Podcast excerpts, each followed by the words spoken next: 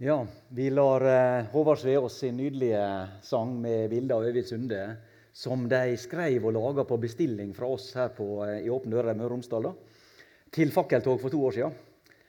Da var temaet 'Stå sterk i stormen'. Og, og, det er litt det som vi snakker om i dag også.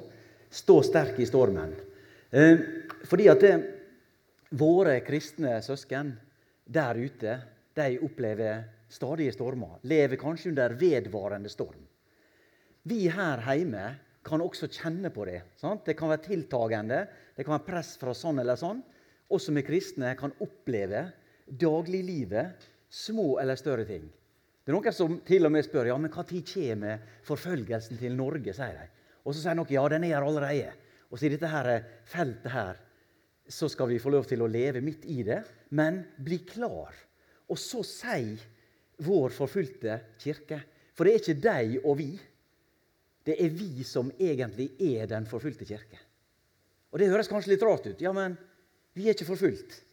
Nei. Men det som de sier We don't want something from the churches, but we have something very special for your churches. Og derfor, Dette er pastor Nabil som sier.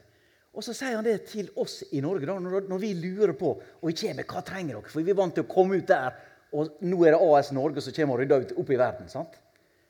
Men det viktigste spørsmålet er hva trenger dere? For vi gir ofte løsningene på alt. Og så sier de vi trenger først og fremst at dere ber for oss.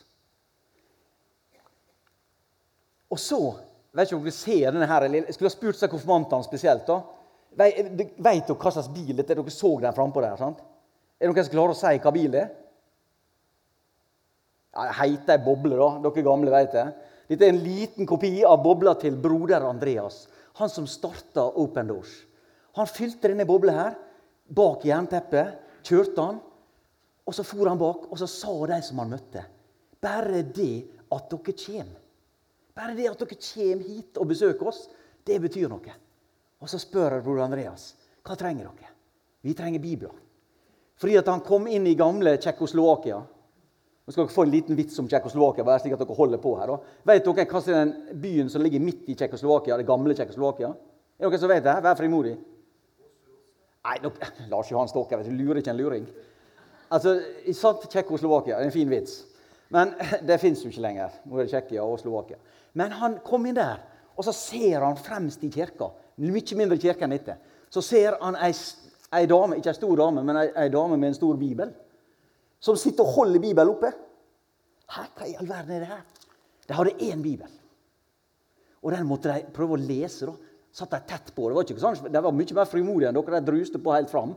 For der satt jo dama med den store bibelen. Og så sier han til Andreas jeg skal prøve å få med mine venner i Vesten til å skaffe bibler. Så kjører han att og fram den bobla som han kjørte til sønder og sammen. Og Det var en underets boble, da, for den gikk og gikk og gikk og ble reparert på gudfeldig vis utallige ganger så ber altså broder Andreas følgende bønn. For dette er gamle kommuniststater sant? som det ikke var lov å ta inn litteratur. I kommuniststatene, gamle Sovjetunionen, Ungarn, Tsjekkoslovakia, alle disse landene som har forsvunnet delvis, eller blitt uh, nye navn på, der var det ikke lov. Så ba han smuglerbønna. Og vi har med en Gud som virker. Det vil jeg si både til de unge og de gamle her i dag. Da. Vi har med en Gud som virker. Her eller der. Eller en Gud som vil virke både her og der. De sier til oss det er den samme Gud som virker her. Når dere kommer til det store utlandet og sier 'Wow, skjer dette?' Wow! Det er den samme Gud, trøster de oss med. De vil trøste oss litt i Vesten. Hei, husk på, det er den samme Gud som virker her, som gir store ting her, som vil og kan virke i Vesten, der dere bor. Samme hvordan omstendighetene ser ut. Så ber altså broder Andreas følgende bønn. Kjære Gud, du som kunne gjøre slik at blinde øyne blei sjående. Nå må du gjøre slik at sjående øyne blir blinde. Det er jo dårlig gjort å be folk om å bli blinde, ikke det? Men på grensa der så opplevde altså broder Andreas gang på gang at de pakka opp bobla, endevendte det er fort gjort, og så leita de etter bibler. Og så fant de ikke biblene. De kunne se inn i soveposen der han hadde gjemt bibler. Av og til så tenkte han wow, var jeg så god å gjemme dem? Men av og til så var det faktisk slik at bror Andreas står og ser på biblene fysisk. Han står ved siden av vaktene og ser også at de er nødt til å se biblene. Men de sier 'du kan passere'. Jeg tror ikke de ble blinde, men de så i hvert fall ikke biblene. En sann Gud kjente bror Andreas virka inn mot. Og de sa jeg og du er på en måte den forfulgte kristne kirke. Fordi at det, de er våre brødre og søstre. Det er ikke de og oss, men vi er samme. Vi er på samme kropp. Lemmer på samme kropp. Og da er det slik at om ett lem lider, så lider alle med. Men så er det tilbake til Norge. Jeg snakka med en Johan nå i Tyskland, en kollega av oss, som eh, hadde et foredrag for oss på en konferanse i Tyskland. Og så sa han det. Han var ingeniør før, og så begynte han å jobbe i Åpne dører. Når han var som ingeniør og jobba, og dette er helt sånn reelt, dette var i Europa, da opplevde han stadig vekk i pauser på jobben at snak, mange av disse karene, tøft miljø, satt og snakka ned kristendommen. Satt og snakka ned Jesus. Og så kjente han Johan at dette her dette her orka ikke meg. Så sier han en dag følgende. Han bare røyser seg opp. Og så var han litt tøff, da. Men så sa han bare Vet dere hva? Hadde dere likt at jeg satte meg ned her og snakka drit om broren din, om mora di, søstera di, bestemora di? Hadde dere likt det? Hvordan hadde dere reagert? Og det ble helt stille. Sånn føles det for meg når dere snakker dritt om Jesus. Når dere snakker Jesus-navnet ned, så føles det som om dere snakker stygt om min egen bror. Og det ble helt stilt. Og så sa han jeg har en ny beskjed til dere. Jeg kommer ikke lenger til å sitte her og spise lunsj med dere. Wow! Var det metoden? Inntil det blir ei forandring på hvordan dere snakker om min bror Jesus. Så går han ut. Så går det ei uke. Så kommer en kar. Du, eh, Johan, det var, det var, ikke akkurat sånn meint. da. Eh, du, eh, vil du, vil du komme tilbake til lunsjrommet? Og så Ut fra det så begynner Johan å få samtale på samtale om hvordan dette var. Det er ikke sikkert alle av oss er tøffe nok til den metoden der. Men en annen metode som var like effektiv her i Norge, var følgende. Det samme lunsj, ikke samme lunsjrommet, men samme problematikk. Han her hadde til stadighet gått og lytta utafor lunsjrommet når han kom og skulle til lunsj. Hva er dagens tema her inne? Snakker de om kristendom eller noe om ting som er sånn, så, så orka ikke jeg å gå inn. Men så satt han der likevel en dag og så hørte han at det begynte å snakke negativt om det å være kristen. Og han hadde tenkt hele tida hvorfor snakker folk så negativt om Jesus? Alle er jo, Langt de fleste er jo enige om at det var en bra fyr. Dere hører, altså Når vi snakker med, spør folk i AS Norge ja, Jesus, jo, det var en strålende kar. altså Han gikk jo dit ingen andre gikk. sant? Han inviterte feil folk, inviterte seg sjøl inn til feil folk. Snakka med feil folk. Snakka med kvinner når de ikke skulle snakke med kvinner. Han han gikk liksom en motsatt vei. Et skikkelig bra, strålende eksempel. Men likevel så kan vi oppleve altså en motstand i AS Norge. En tiltagende motstand mot det vi står for, mot det vi tror på. Så sier han, litt unnselige karen her, pakker opp matpakken sin, og så hører han trøkket rundt seg. Og så sier han bare det eneste han sier den dagen i lunsjen. Jeg vil nå bare si at Jesus betyr veldig mye for meg. Og så var det stilt. Og så bare Wow! Er det en som Fordi det er det som er så bra, da, folkens. Jeg og du trenger ikke å prøve å argumentere folk dit eller hit. Har du prøvd å argumentere folk til himmelen noen gang? Og så vinner du 1-0 eller taper 1-2? Og så fikk ikke du det til? Nei, det er mer slik at det, det vi har hørt Vi kan bare vitne om det vi har hørt og sett. Og det vet du, Når det er mitt personlige, det er jeg som har opplevd det, så skal det litt til å ta fra oss det, folkens. Så la vi være frimodige på det som jeg og du faktisk opplever. Jeg og du som faktisk er kjent at Jesus er en følgesvenn som holder gjennom alt. Inni denne boblegreia her så står det 'Gud gjennom alt'. Det skrev jeg da jeg var 14 år gammel, satt mer eller mindre, som en konfirmant. Satt mer eller mindre interessert ja, Dere er jo kjempeinteressert, det er ikke det. Men på en bibeltime ute i Langevåg bedehus for vi skulle jo gå der, vet du. Så satt vi med Bibelen vår. Så var det VM i understreking. sant? Vi streka under slik at det var blått og rødt og gult, og, og, og det var jo piler og greier. sant? For her var gutten som hadde stell på systemet. sant? Og så husker jeg bare én ting fra den bibeltimen. Og det var Gud gjennom alt. Men vet dere hva? det er holdt i ja, Dette var jo 19 pil og bue. sant? Det er lenge siden. Men det er holdt helt til nå. Jeg tenker om det at Gud er en Gud som går med meg gjennom alt. Ikke for at det kommer til å gå strålende. Det er det heller ikke gjort alltid. Og sikkert ikke med dere heller. Hvis det er noen her som det har gått sånn med hele livet, så vil jeg gjerne ha oppskrifta. Da må du eh, plakatere det opp her. Men sånn er jo ikke det å leve. Men det er litt med at jeg og du har noen som vil gå med oss gjennom stormen. Hva er det Peter sier? Den ivrigste gutten på båten. Wow, Jesus! Når de tror det er gjenferd utpå der. Det er ut på stormen, sant? og plutselig ser de Jesus, som de ikke skjønner er Jesus, kom gående bort. Og så Peter, sant? alltid tøff i trynet. 'Wow, Jesus, hvis det er du, så jeg at jeg skal komme ut og gå la med deg.' Og det er det det handler om. Hvis Jesus er midt der ute i stormen, der det er tøft, så kan jeg og du gå ut der la med han. Jo da, vi kan komme til å sekke hvis vi mister fokus på Jesus. Men det er jo det Jesus inviterer oss til. Det er ikke jeg som inviterer. 'Wow, Jesus, jeg holdt på med det prosjektet her.' Det går så det suser nå og taler mer eller mindre bra, da, men jeg har litt ting på gang for deg, Gud. Så kom gjerne fram hit og sjekk, sjekk det fantastiske jeg holdt på med. Nei, det er Guds, det er Jesus som på en måte inviterer oss med inn i sitt arbeid. Noe som han har lagt klar for oss. Jeg ønsker at jeg og du i Norge skal ta med oss det å stå sterk i stormen.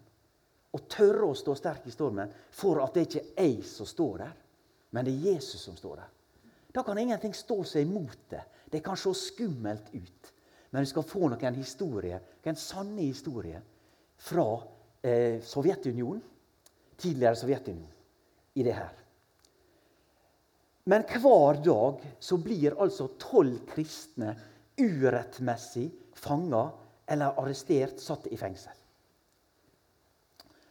Og det som, det som eh, vi er kalt til det er det som står i Hebreerne 13,3. Husk på dem som sitter i fengsel. Som om dere var lenka sammen med dem. Og husk på de som blir mishandla, som om det gjaldt deres egen kropp. Hvordan skal vi få til det? Vi kan ikke kjenne og sette oss ned og lenke oss sammen. Jo, jeg har gjort det på søndagsskolen. Litt sånn lenke og styr og stell. Skulle ha kjørt det med dere, men dere er vel ikke helt klar for den slags. Men vi kan altså være lenka sammen med dem ved å stadig bli minnet på, stadig blir minnet på at det er noen der som trenger vår bønn. Og vet du hva de sier? Bønnene deres Lydia fra Pakistan sier bønnene deres er som en mur rundt oss. I Afghanistan nå, der det er blitt det verste landet å være kristen. De har gått forbi Nord-Korea nå på World Watch List 21. Ikke for at Nord-Korea er blitt bedre, men for at Afghanistan er blitt så mye verre. Så sier våre kontakter som jobber inn mot Afghanistan de sier vi ville ha vært borte for lenge siden. Hadde ikke det vært for dere sine bønner? De sitter oppe i fjellene, folkens. De har rømt opp, for Taliban gikk fra hus til hus og jakta på kristne. Tok mennene, drap mennene oftest. Ga gjerne damene, unge jenter, som krigsbytte til Taliban-soldater. Fullstendig kaos. Likevel så vokser det fram, holder i gang ei kirke i fjellene i Afghanistan der to menn går ut på neste høgde når de setter opp teltet sitt oppe i fjellhulene, og går ut og står klar med to våpen og skyter skudd hvis noe fare nærmer seg. Så har de gudstjeneste. Tenk hvor langt det er fra oss, da. Det var ingen som eh, vokta veldig på dere når dere for hit i dag. Kanskje et rart blikk fra naboen, kanskje. Men Men vi kan altså være med, for bønnene våre, sier bror Andreas, når dit som ingen andre når. Det er ingen fengselsmurer, ingen grenser, ingen kommandanter, ingen regime som kan stoppe bønnene fra kristne som ber for oss. Og vi merker bønnene våre. Jeg syns det er så rart det, at de plutselig kan merke bønnene våre. Men de sier det og vitner om det. At husk på det, at vi kjenner at vi ikke er alene. Det er fantastisk. Dere skal få møte Dimitri. Han Dimitri han bor i Russland, ikke langt fra, Sovjet, eh, fra Moskva. I oppveksten så opplevde han at myndighetene ødela kirkene og fengsla pastorene. Det opplevde han sine egne pastorer, de som gikk i menighet. Da Dimitri seinere stifta familie, fikk han tre barn. Og den nærmeste kirka lå tre dagsmarsjer ifra. Det sier seg sjøl at Dimitri og barna og, kona ikke kunne oppsøke denne kirka mer enn i høgda to til tre ganger i løpet av året. En dag sa Dimitri til kona jeg er bekymra for oss og familien vår og barna våre. Vi får aldri møte andre kristne. Vi er nødt til å begynne å ha litt gudstjeneste her i lag. Altså, vi er nødt til å ha husandakter her. Eh, kan ikke vi lære barna våre å fortelle historien som vi har lært Jesus, eh, om Jesus til barna våre? Kan ikke vi setter av en kveld i uka? Og det verste, det beste var at kona hadde tenkt på det samme. Jeg håper Dimitri snart kommer med et slikt initiativ. Så han kan kanskje være mellom oss. men sant? Eh, at jeg, jeg skulle, ikke, skulle ikke noen tatt et initiativ her? Han Noen han jobber jo ikke her, sant? men noen må ta det. Kanskje det er du. Og Det kan være i vennegjengen, det kan være i bibelgruppa, i foreningen, det kan være i familien. De satt av en kveld og fortalte barna. Eh, og så sier barna eh, kan ikke vi kan ikke vi begynne å be litt? Kan vi synge kristne sanger? Så var de litt skeptiske. Oi, vi er redd for naboene. Det er fiendtlig her. Kanskje noen sladrer. Stadige kommandanter soldater fra regimet som ikke tålte kristendom. De begynte å synge, og så gikk ryktet. Så begynte det å komme flere dit. Det kom 25 mennesker når de hørte det synges i denne lille huset til Dimitri og barna. Og så kom politiet på døra. Og Dimitri sa ja, men eh, jeg er ingen prest, vi er jo ingen menighet, dette her er jo ikke ulovlig. For det var slik som det kan være i deres misjonsland. Dere er misjonsland borti Sentral-Asia. sant? Og prosjekter. og Vi kan jo dele, så dere vet ganske lite derfra. Men jeg var der for to år siden og fikk møte menigheter som må registrere alle barn under 18 år med løyve fra foreldra for å få lov til å komme på et kristent møte. Sånn er det mange plasser i disse stanlandene som jeg var i da. Og og dette her var også problemet, at Hvis du var i menighet og ikke var registrert, så hadde Dimitri et problem også i det gamle Sovjetunionen. Tallet på eh, Svaret fra myndighetene var jo at hvis ikke du slutter med dette, her, så blir du arrestert. Det kom bare flere og flere folk. Dette er ikke et eventyr, folkens. Dette er sannhet. Det kom bare flere og flere folk til denne husmenigheten som ikke var registrert som en husmenighet. Det kom 50, det kom 75, og politiet kom på døra. De kom opp og ville arrestere Dimitri. Dimitri hadde da allerede blitt sparka fra jobben. Kona hadde blitt sparka fra jobben. Og barna hadde blitt utestengt fra skolen for at de hadde blitt definert som barn av en kristen pastor som drev ei ulovlig, uregistrert menighet i ulovlig lokale. Så kommer politimannen og skal arrestere Dimitri. Så kommer det ei gammel kone fram. Og så peker fingeren opp til politimannen. Du har lagt handa på en gudsmann. Og dette kommer ikke du til å overleve. Wow! Og politimannen skjønte ikke så mye. Jeg tenkte Det tok han med seg. To dager etterpå så dør denne politimannen. Vi kan mene og tro hva vi vil om det, men det skjer her. Dimitri blir arrestert. Det fortsatte etter han, Før han ble arrestert, så var det opptil 150 stykker på møte. De, åpne, de måtte åpne vinduer ut på gårdsplassen. Dette gikk ikke lenger. Han ble dømt til 17 års fengsel. Fengselet lå 1000 km unna. 100, altså 100 mil ifra.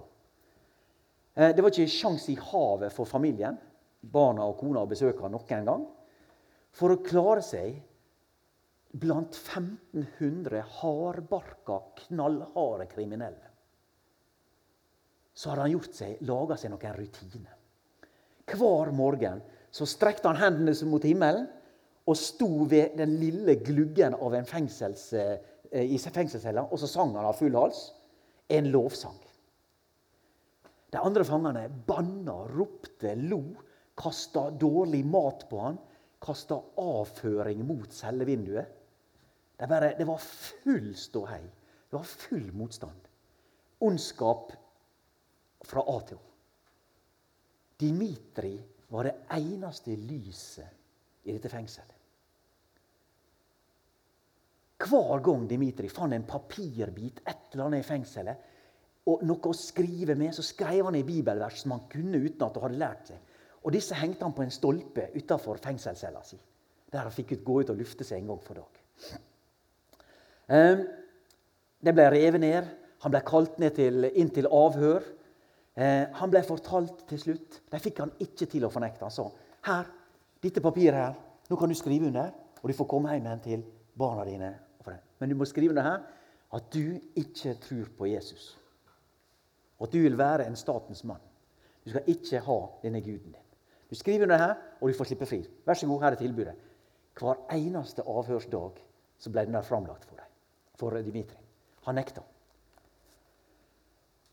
En natt så Eller en dag, da. Så skjønte soldatene vi, er ikke noe mer, vi, vi, får jo ikke han der til å benekte Jesu navn. Ok, Så tok de det dirty trikset. De sa ehm, nå har vi drept kona di. Vi har drept barna dine.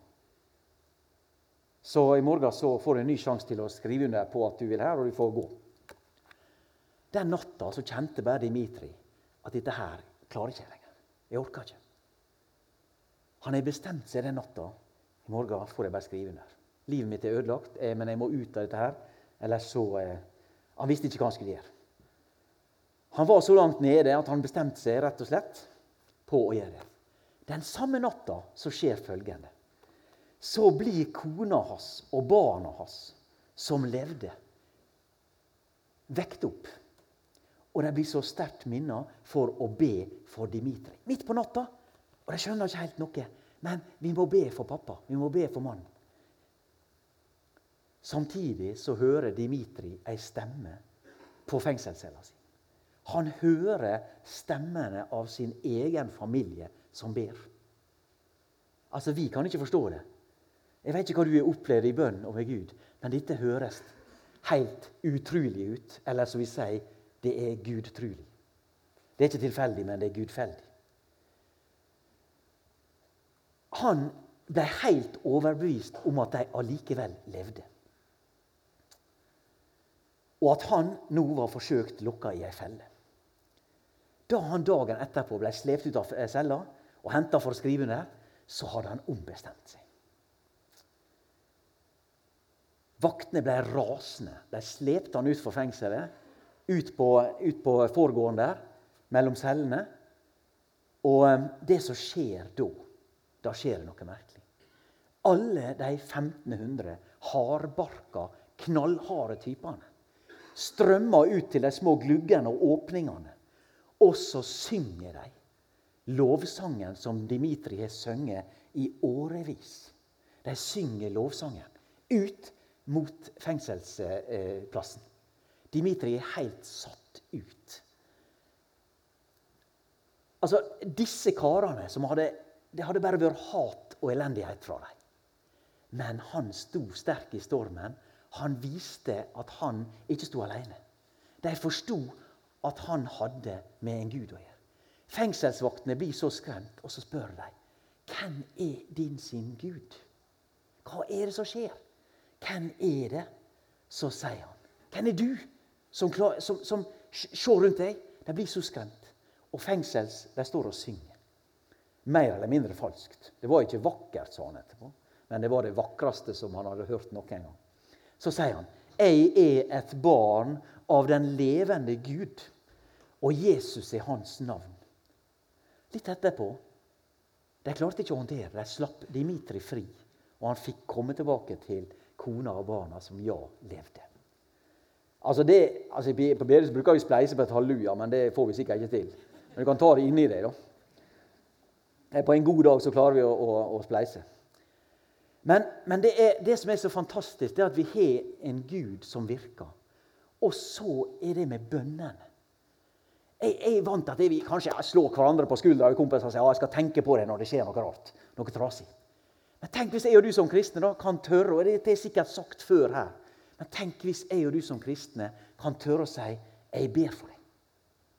Og jeg kan be for deg nå i tre uker, hvis du trenger det. Og hvis du trenger mer enn tre uker, så send meg en melding, så kan jeg forlenge abonnementet. Tenk hvis vi kom til å bli så konkrete oss imellom. da. Hadde ikke det vært flott? For det er jo fantastisk. Jeg husker det så godt når mor mi døde for ti år siden. Så kom folk og slo meg på skuldra. Kristne, gode brødre og søstre. Jeg tenker på det, Helge. Og det er fint. Da skjønte jo jeg jeg regna ut at det, dette er jo bedehusfolk. De mener jo sikkert at de ber for meg. Det var bare at de sier jo ikke det. Men Kanskje dere er veldig flinke på det her. Men det skjer noe helt annet oss imellom hvis jeg kan tørre å være den første som sier 'Jeg ber for deg'. Kanskje skal det bli dagens. Og så et lite tips. da. Jeg har en sånn lapp som, eh, som er en sånn Kiwi-lapp. På Kiwi kan du handle, og dette er ikke reklame. da. Men noen som liker sånn trumf og sånn. Og så baksida er en ganske sånn stiv lapp. Stiv, stiv lapp på baksida. Og der er en sånn fin ting. For jeg har behov for å skrive opp ting. Du, ja, du må huske å be for det, be for det, be for det. Jeg har behov for å skrive det opp, for ellers kommer jeg til å glemme det. Og da kan du være så konkret. sant? Be for Harry sant? herfra til jul. Og så kan du ha en kontakt. Og så vet du at det, det skjer alltid noe når du ber. Det er ikke sikkert det er erfaringa di, men det skjer alltid noe med den som ber, eller den som blir bedt for, eller en situasjon. Det skjer alltid noe. Det kan skje noe med deg som blir vant til å be, og komme dit. Og så veit vi at bønna er det som holder oppe vår kristne kirke. Vi er egentlig den forfulgte kirke, vi også, fordi at vi er brødre og søstre. Så Derfor kan du be for noen du ikke veit nesten hvem er, men enda bedre om du tar med bladet vårt og ser inn i bønnekalenderen. Der er en situasjon, mennesker du kan be for hver dag. Så handler ikke det om åpne dører. Det handler ikke om en eller annen organisasjon som kommer og skal selge seg inn her eller der. Men det handler om én og én kristen som kan ha hjerte for en og en annen kristen. Her og der ute. Jeg håper du, eh, du kan være med på det. Og så eh, Skal vi se Ja, det ble tull. Der. Der.